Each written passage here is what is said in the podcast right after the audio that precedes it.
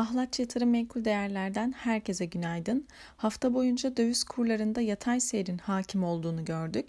Dolar TL 13.52 seviyelerinden işlem görürken Euro TL ise 15.40 seviyelerinden fiyatlanıyor. Dün Türkiye Cumhuriyet Merkez Bankası tarafından haftalık para ve banka istatistikleri yayımlandı.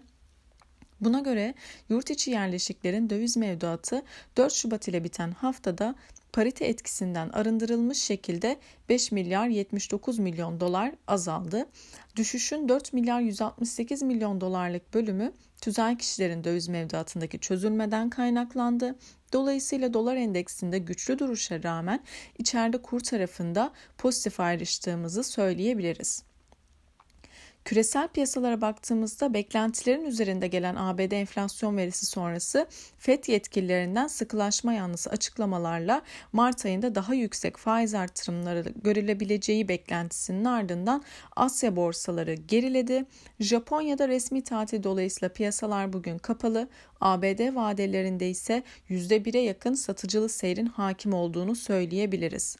Enflasyon verisi sonrası ABD 10 yıllıklarının %2 seviyelerini aştığını, dolar endeksinin de tekrardan 96 seviyelere kadar yükseldiğini göz önünde bulundurursak altın fiyatlarında FED'den beklentilerden daha fazla bir faiz artırımı yapılacağı ihtimaliyle ons altın 1823 dolar seviyelerine kadar geriledi.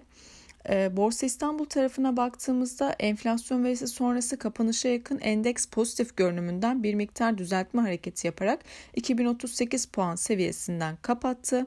Bugün e, küresel risk iştahında bozulma yaşanacağından dolayı endekste e, kar satışları gelebilir.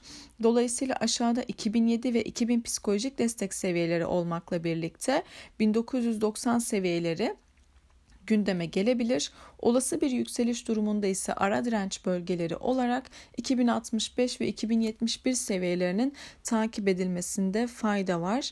Bugün içeride sanayi üretimi ve cari denge verileri açıklanacak. Yurt dışında Almanya'da toptan satışlar ve enflasyon verisi beklenirken ABD'de Michigan Tüketici Güven Endeksi e, verileri açıklanacak. Herkese bol kazançlı güzel bir gün dilerim.